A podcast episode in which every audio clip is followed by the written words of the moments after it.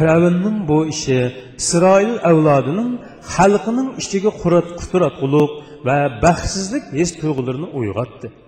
Ular Musoga aytdi: "Sen kelishdan burun zulm qilinadi. Sen kelgandan keyinmi qilinayotdi. O'g'illarimiz burunmi o'ltirilgan, mana hozirmi o'xshash o'ltiryotdi."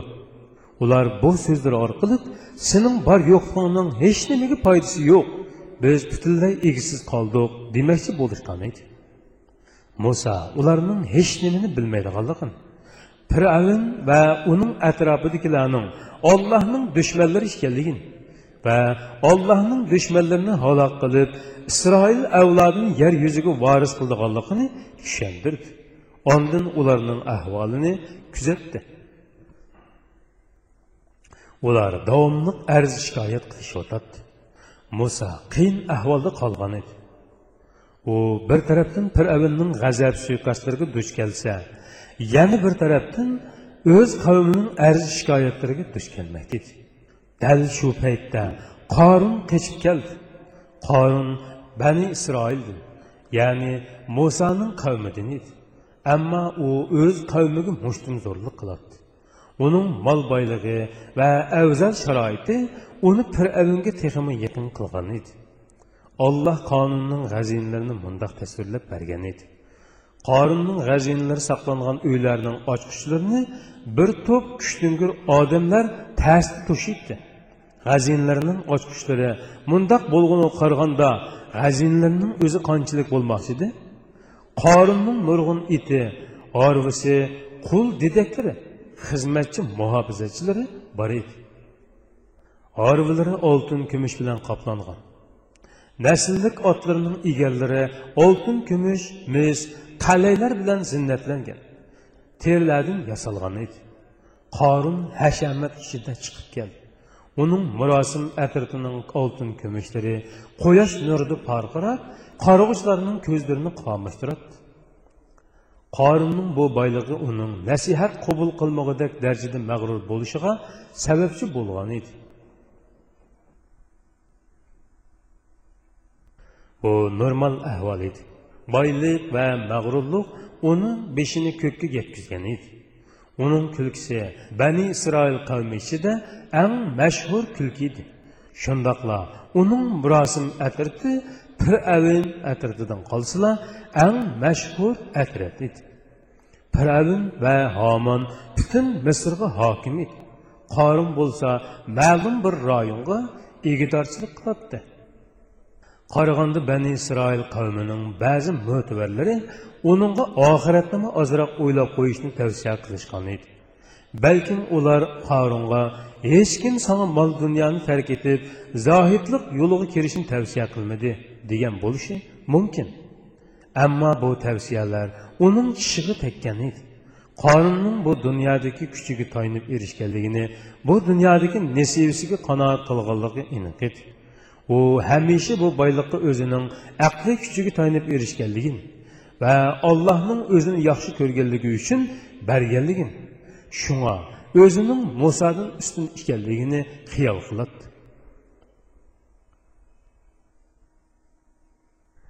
Musa bəkmi yoxsul, Qarun bəkmi boy edi.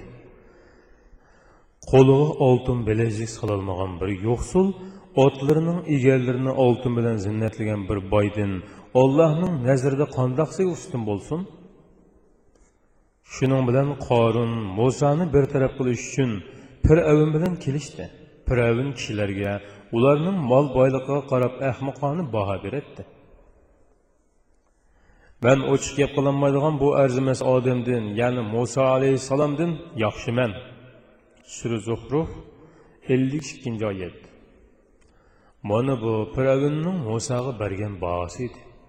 Firavun bilan Qorunning maslahati bitdi.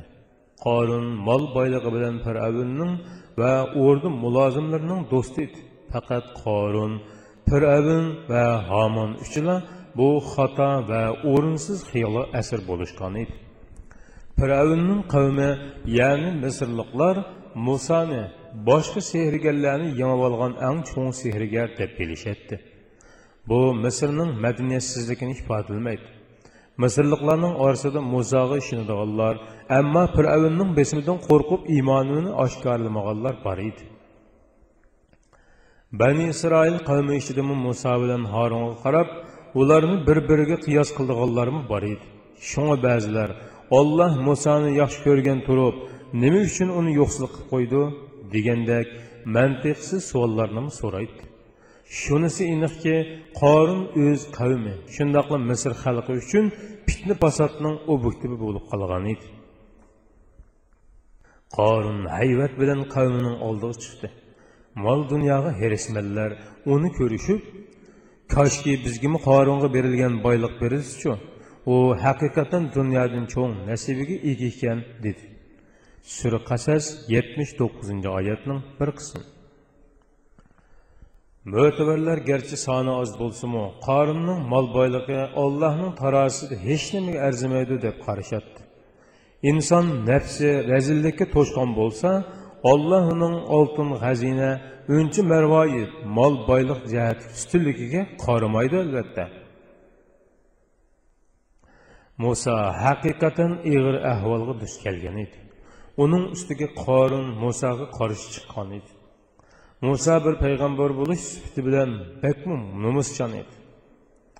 Qorin musoni uningga agashlarning nazaridan tushirish uchun musoning nomusiga tegadigan yolg'on tuhmatdan birini o'ydirib chiqish haqida bir avim bilan kelishdi. Bir kuni muso qavmini allohga da'vat qilib o'tadi birdilla bir poyishi ayol chiqib man tunigun kechda muso bilan birga bo'ldim dedi. Muso bu ishga bakmi tuyuqsiz yo'liqqan edi.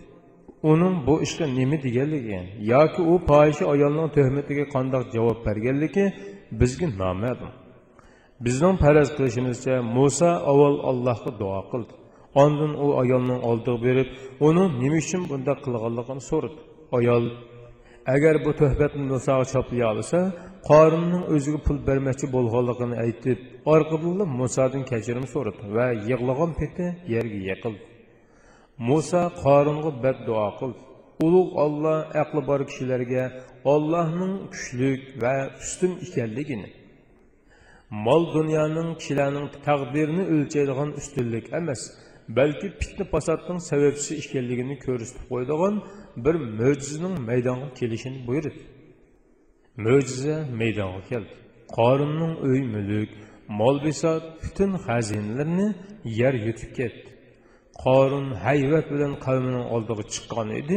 Tuyuqsizla yer yerilib qorin yutib yer qorin bilan birlikda uningga tava ayvon saroylari hayvonlar oltin kumush unchi marvoyit va odamlarni qo'shib yutib ketdi.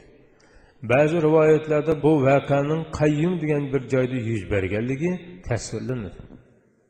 Misrliqlar atab kelayotgan qorinning ko'li qorinning yer zamini qatorliq joy nomlari uning saroylari va g'azinalari o'rnashgan yer edi qur'onda bu voqeaning yuz bergan vaqti va o'rni bayon qilinmagan faqat voqeaning o'zila so'zlangan edi bu voqeadan ilingan ibratning yanida voqeaning o'rni va vaqti hech narsaga arzimas edi albatta ulug' olloh qasas surasida mundoq degan edi. Qorin haqiqatan musoning qavmidan edi. Qorin ularga yo'g'onlik qildi. Qoringa g'azinalardan shu qadar ko'p bergan ediki ularning ochqishlarini ko'tarish kuchlik bir jamoagami haqiqatan ig'irlik qiladi ayni vaqtda qoringa qavmi aytdi. Ko'ranglab ketma. Olloh haqiqatan ko'ranglab ketishlarni do'st tutmaydi. Olloh sana bergan boylik bilan oxirat yurtin tilgin dunyodagi nasibangni unutmag'in olloh sana yaxshilik qilgandek sen ollohning bandalariga yaxshilik qilgin yer yuzida buzuqchilikni tilimagin olloh haqiqatan buzg'unchilik qilg'uvchilarni do'st tutmaydi qorin mening alohida bilimim bo'lganlikdan bu boyliqqa erishdim dedi.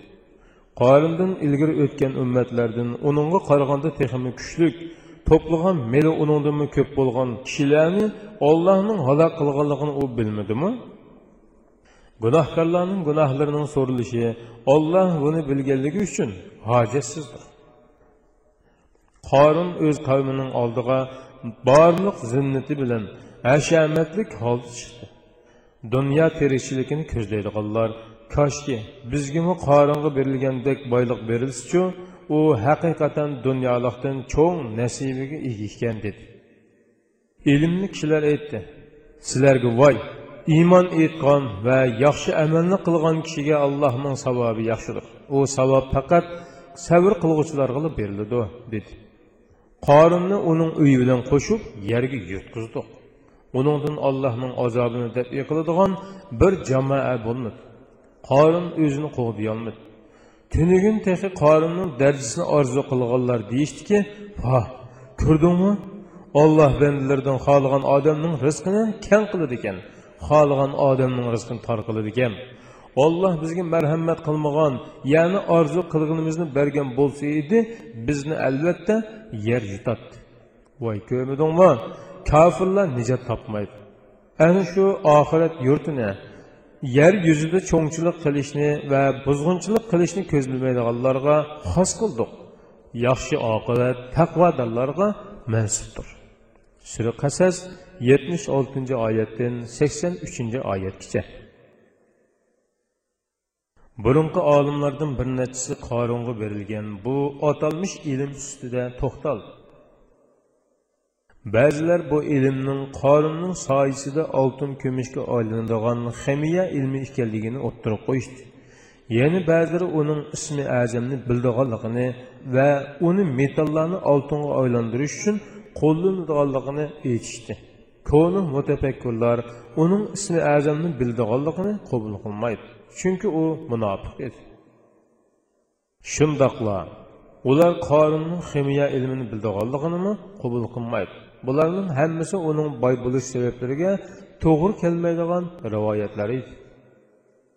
Bizning bilishimizcha u zolim odam edi. U nurg'un mol boyliqning vorisi bo'lib shu orqali boyliqni teximi oshirdi. Har yerda qonunsiz ishlarni qilish fir'avn bilan do'st bo'lish bu do'stlik orqali erishgan afzalliklar uning uchun muhim emas edi. Agar manfaatiga uyg'un kelsa musoga qarshi chiqish boshqalarga zulm qilishning qilcha ahamiyati yo'q edi. Mana bulardan keyin boyliqlarning uningdagi ilm tufaylidan berilganligi aytilsa ondan mantiqiga uyg'un keladi. U bu qadar mol boyliqqa erishish uchun qilmagan yolg'onchiligi va zulm qilmagan odami qolmagan edi. Allohga bo'lgan iymonidan bir bug'doy donchisidek bo'lsimi yuz o'rish insonni haqiqatlar burmulangan ishlar qolaymaqallashib ketadigan mag'rurlikqa elib boradi. Ana shundoq bo'lganda soxta gumonlar mantiqilik va ma'nilik narsaga aylanib qoladi. Uni tahlil qilishga hech bir kerak qolmaydi. Qorinni yer yutishi bilan xalqning ko'zi musag'ib buroldi va ularning qalbini o'zindan biri egallab olgan gumonli qarashlar birdilla g'oyib bo'ldi. Misrliklar va bani isroil bu mo'jizni o'z ko'zlari bilan ko'rgan edi. Muso bilan fir'avnning orasidagi mujodila qoidadan yuksak pallalarga chiqdi. Fir'avn musoning o'z taxtiga ko'z tikkanligiga to'liq ishondi. Musoning elchiligida boshqa barliq payg'ambarlarga o'xshash o'z davrining zolim va yomon kishilarini yo'q qilish hukmi bor edi musoning davridagi zolimlar fir'avnning sarig'i yig'ildi fir'avn ko'pchilikning orasida o'zining musoni o'ltirmoqchi bo'lganligini oshkorladi Firavun o'zining Musoni o'ltirish bilanla butun masalalarni cho'qim hal qila olayman deb o'ylaydi.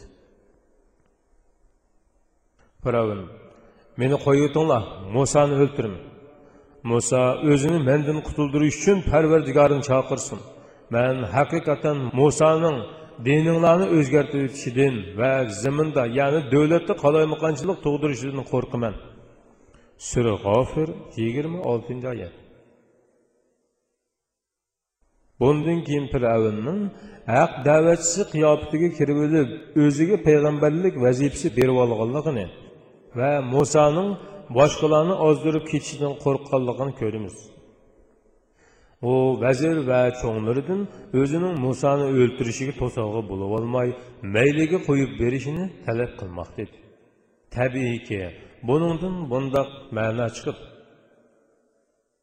u musoni faqat o'zining oldida emas balki uni davlat organlarining ijro qilish uchun uni vazir va cho'nglarning oldida o'ltirish planini o'ttirg'i qo'ygan edi omanning bu taklifni qabul qilganligini va fir'avnning fikrini qo'llaydigan murtadlardan bir guruhni tashkil qilganligini faraz qila olamiz agar saroydagi bir odam bo'lmagan bo'lsa taklif asosiy jihatdan qabul qilingan bo'ladi.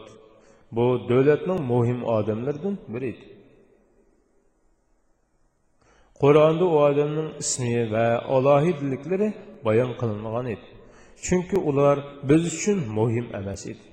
Shun qur'onda faqat uning mo'min birisi ekanligi bayon qilingan u aslida iymonini yoshirib yuribdi u firavnning musoni o'ltirish haqidagi taklifini bergan yig'ilishda so'z qilib bu taklifning bakma oddiy ekanligini va natijaga erishgili bo'lmaydiganligini isbotlab chiqdi u musoning ollohning o'zining rabbi ekanligidan boshqa bir narsa demaganligini aytdi Ondan Musa'nın peygamber ekanligiga doir ochiq dalillarni keltirdi.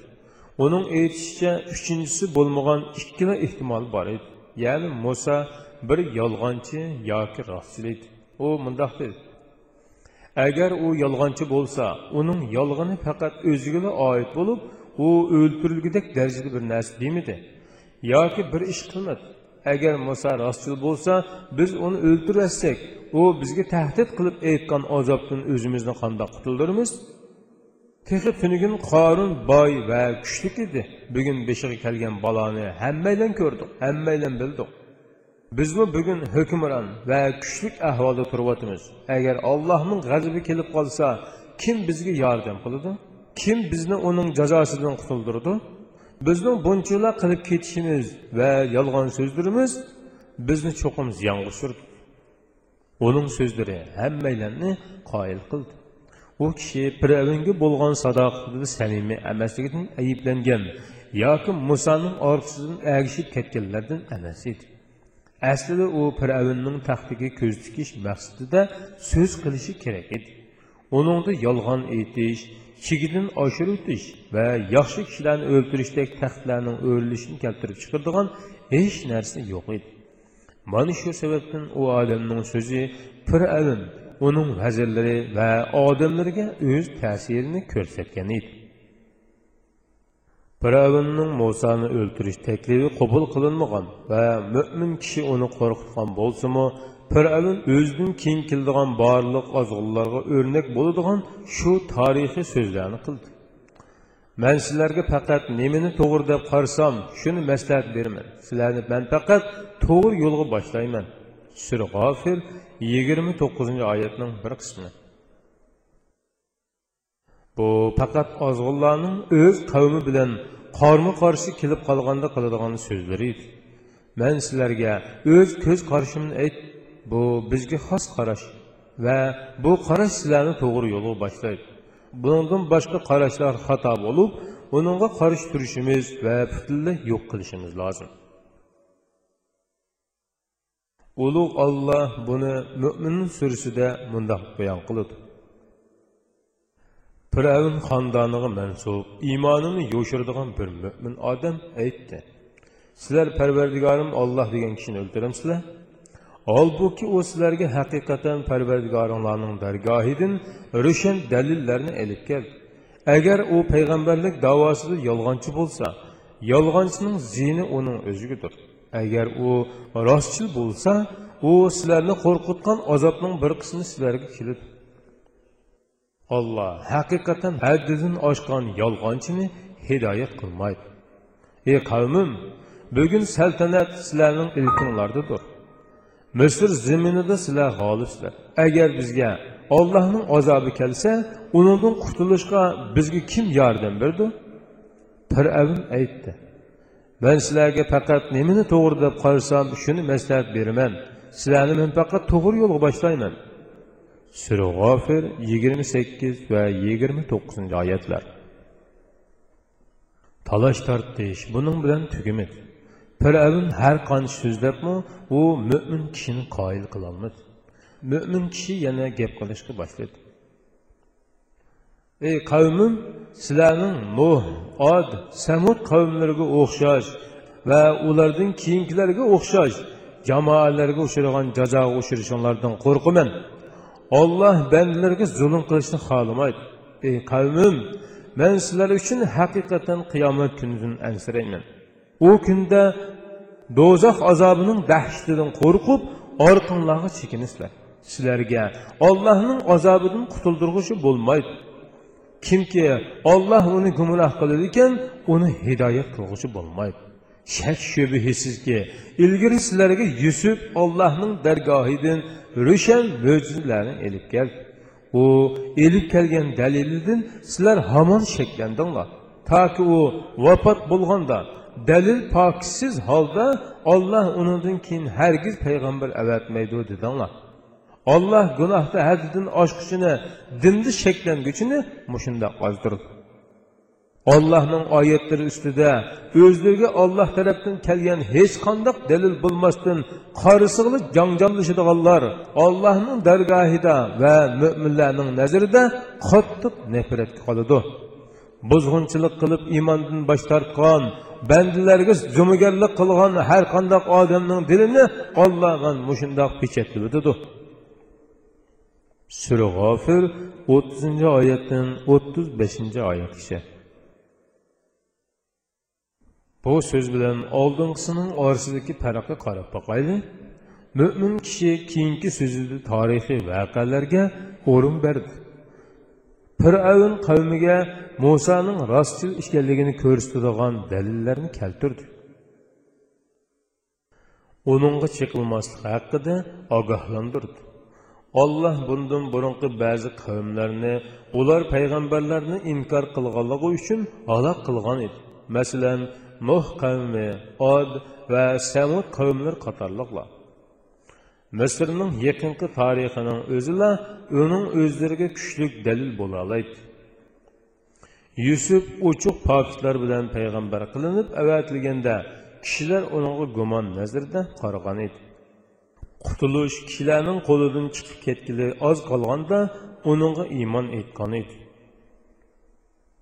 Ollohning payg'ambarlarni avatishida ajoyib ishlar yuz bergan edi.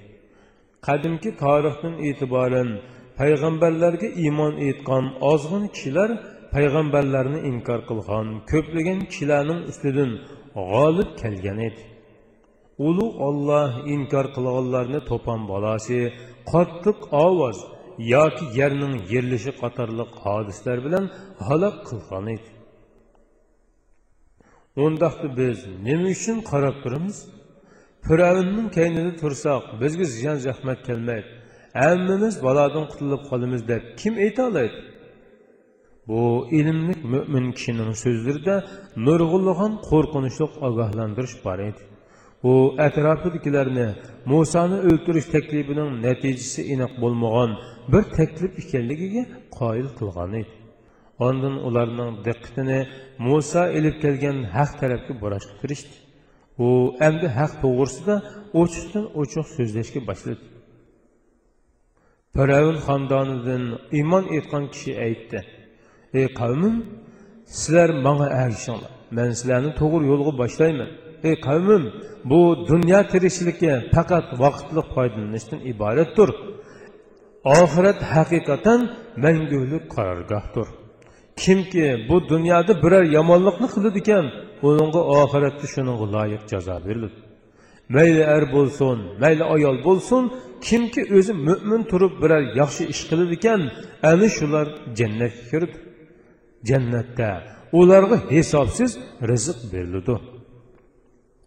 Sura g'ofir o'ttiz sakkizinchi oyatdan qirqinchi oyatgacha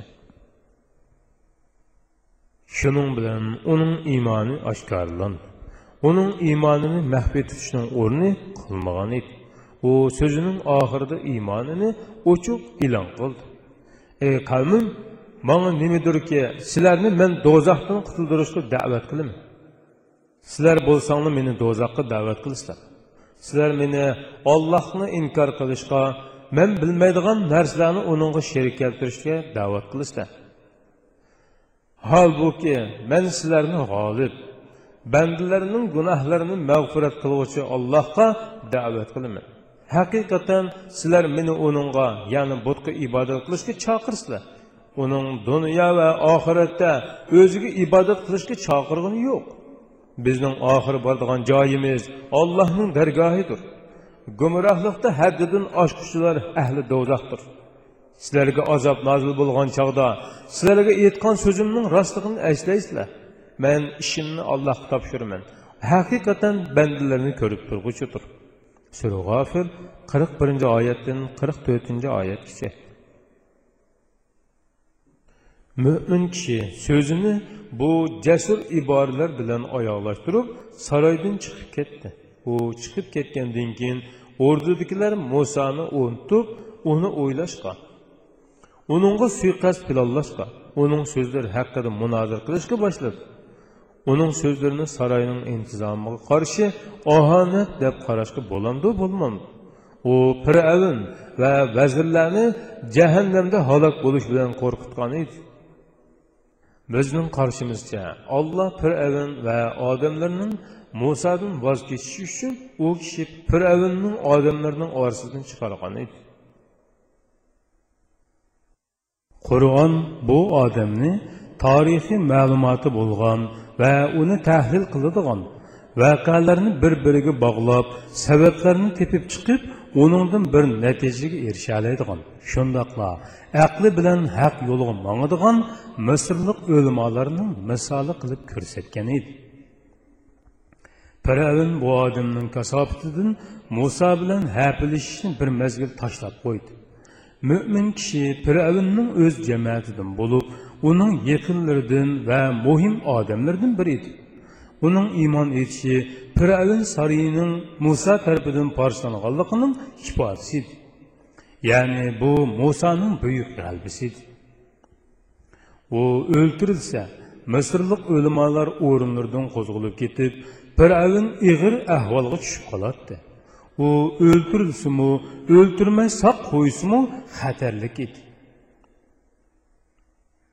Shunga uningga qarshi bir plan tuzishga boshladi dal shu chog'da ollohning yordami yetib keldi olloh uni piravin jamoasining suiqasdlaridan saqladi piravin jamoasiga eng yomon azob nozil bo'ldi sur g'ofir qirq beshinchi oyat bu ish piravini xili ovora qildi ammo u mag'rurlik va ko'ranligidan voz kechmadi bani isroil qavmining muso bilan ketishiga ruxsat qilmadi. Ularga zulm qilish xo'rlash qizlarni terib qo'yib o'g'illarini o'ltirishni davomlashtiraverdi alloh taolo sinash qo'rqitish muso va mo'minlarga yomonlik qilishni cheklash shundoqla musoning payg'ambarligini va to'g'riligini isbotlash uchun fir'avn oilasiga texmi qattiq muomala qildi. Shuning bilan misrda qahatchilik va qurg'oqchilik yillari boshlandi. Yomg'ir yog'madi. Nilning suvlari oziyib hosil kemaydi mol bahosi o'rlab insonlar ocharchilikda o'lishga boshladi. Iymonsizlikning e'tiqodsizlikning insonlarning beshiga doim bu jazolarni ilib kelganligi aniq edi. Ulug' olloh arof surasida mundoq degan edi. Payg'ambarlarni inkor qilganlikdan halok qilingan shaharlarning aholisi iymon e'tiqon va kufrdan gunohlardan saqlangan bo'lsa edi albatta ularni osmon zaminning farovonliklariga muyassar qiladi sura araf to'qson oltinchi oyatning bir qismi. Misr xalqi tuvandagidek ikki sabab tufaylidan ollohning azali qonuni bo'yicha jazolandi. Birinchi sehrgarlarning o'ltirilishini tomosha qilganligi ikkinchisi hukmronlarning gumrohligiga qarshilik bildirmasligi. Kishini eng ichindirdig'ini shuki fir'avnning qavmi bu baloyi ofatlarni g'alati bir sababga bog'ladi. Ularning qarashicha musoning tufaylidan ularning beshiga ochlik yo'qsullik va qahatchilik kelyotadi. Ular nomratlashdi va haqdan texmi uzoqlashdi ular shunchalik ahmoq ediki bu ofatlarning sababi hatto yomg'irning yog'masligini musoning sehrgarligi uchun ko'rsatgan mo'jizasi deb bilibdi holbuki bu ular asli ishonmaydigan bir mo'jiza edi. Diqqat qilsak bilib olamizki bular xalqning fikri emas balki bu xil so'z cho'chaklarni tarqitib tashviq qiladigan hukmron sinfning fikri bo'lib keyinchi xalq buni takrorlaydigan bo'lib olgan edi. Ulug' olloh ikki o'ttirdagi kurashdan uzrab ketishi haqida mundoq degan edi.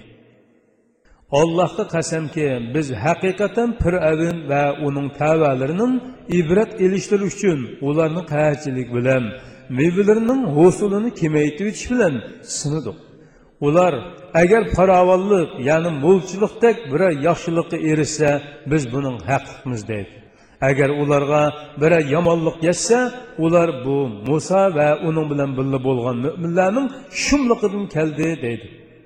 Ularga yetgan yaxshilik bilan yomonlik musoning shumliqidan emas ollohning taqdiridandir. Lekin ularning to'lisi buni ya'ni ularga kelgan balo qazoning o'z gunohlari tufaylidan olloh tarafdan kelganligini uqmaydi. Ular ya'ni fir'avn qavmi ko'zimizni bog'lash uchun har qandoq mo'jiza keltirsangmi biz sana hargiz ishonmaymiz dedi. Ularga suv oftini cheketga opti pisht opti paqa va qon balolarini ro'shan mo'jizalar qilib avatdiq ollohga iymon etishga ularning gardankashligi yo'l qo'ymadi ular gunohkor qavm bo'ldi sura araf bir yuz o'ttizinchi oyatdan bir yuz o'ttiz uchinchi oyatgacha olloh fir'avn boshchiligidagi misrliqlarni balki iymon etib bani isroilni muso bilan qo'yib berar deb ularga xilma xil usulda besim va qiyinchilik paydo qildi. Ularni sug'obtiga duchor qildi. Uzoq mazgilli qurg'oqchilikdan keyin nil daryosiga sapma sap bir yil kelkun keldi. Etizlarni suv besib dehqonchilik vayron bo'ldi. Boshda ofat va ochliq ussizlikdan paydo bo'lgan bo'lsa bu qitim kalkundan ya'ni suvning jiqliqidan kelgan edi ular musoga qarab yugurishdi masalaga uning orilishishi kerak edi ular ey muso parvardigoringga o'zining sana ato qilgan ahdi bilan ya'ni sana bergan payg'ambarlikning haqqi hurmati bilan bizni balodan ko'tarib o'tishga duo qilsang allohga qasamki agar bizdan bolani ko'tarib olsang sanga cho'qim iymon etimiz isroil avlodini cho'qim sen bilan birga qo'yib birmiz degan edi. Sura arab bir yuz o'ttiz to'rtinchi oyatning bir qismi. Muso rabbiga duo qilib suvning o'rilishini to'xtatdi. Suvlar yerga sinib mumba tuproqlar paydo bo'ldi. Muso ularning bani isroilni qo'yib berishga doir bergan va'dasiga amal qilishni talab qildi. Ammo javob ololmadi. Orqadanlar chekatga mo'jizasi ya'ni chekatga opti maydonga keldi. Olloh ziroat va mevalarni yeydigan chekatga to'plarini avatdi. Chekatkalar ziroat va mevalarni yeb tugatdi. Chekatkalar borganligi yerda misrliqlarning mevalaridan asarmi qolmaydi. Misrliqlar yana musoning oldiga keldi. Bu qitim isroil avlodini qo'yib beradigan bo'ldi. Muso rabbiga duo qilib bu ofatni yo'q qildi. Chekatkalar kelgan yeriga qaytdi. Dehqonchilik qaytib boshlandi. Muso yana bani isroilning qo'yib berilishini so'radi. Ular yana gap o'ynashga boshladi. Demakki bergan va'dasida rostchil emas edi. Buning bilan bu qitim pit ofati maydonga keldi. Pitlar kasallik tarqatdi. Misrliklar yana musoni oldiga kelishib takror va'da qilishdi. Muso yana duo qildi lekin ular yana va'dasida turmadi. Keyin poqa ofati maydonga keldi. Birdilla hamma yer poqalar bilan to'ldi. Ular misrliqning yemakliklari ustida sakrab uylariga kirib olib ularni ovora qildi. Ular yana musoga va'da berdi va yana va'dasida turmadi. Oxirida qon mo'jizasi maydonga keldi. Nilning suyi hech kim icholmaydigan qonga aylandi ko'rib o'tganimizdek yuqorqidek mo'jizalar daryo suyi orqali ilib beriladigan dehqonchilik muhitiga asosan kelgan edi. Aslida nil daryosining pasayishi o'rlishi chekatga pitlar va paqalarning besib ketishi misrliqlar uchun yangilik emas edi.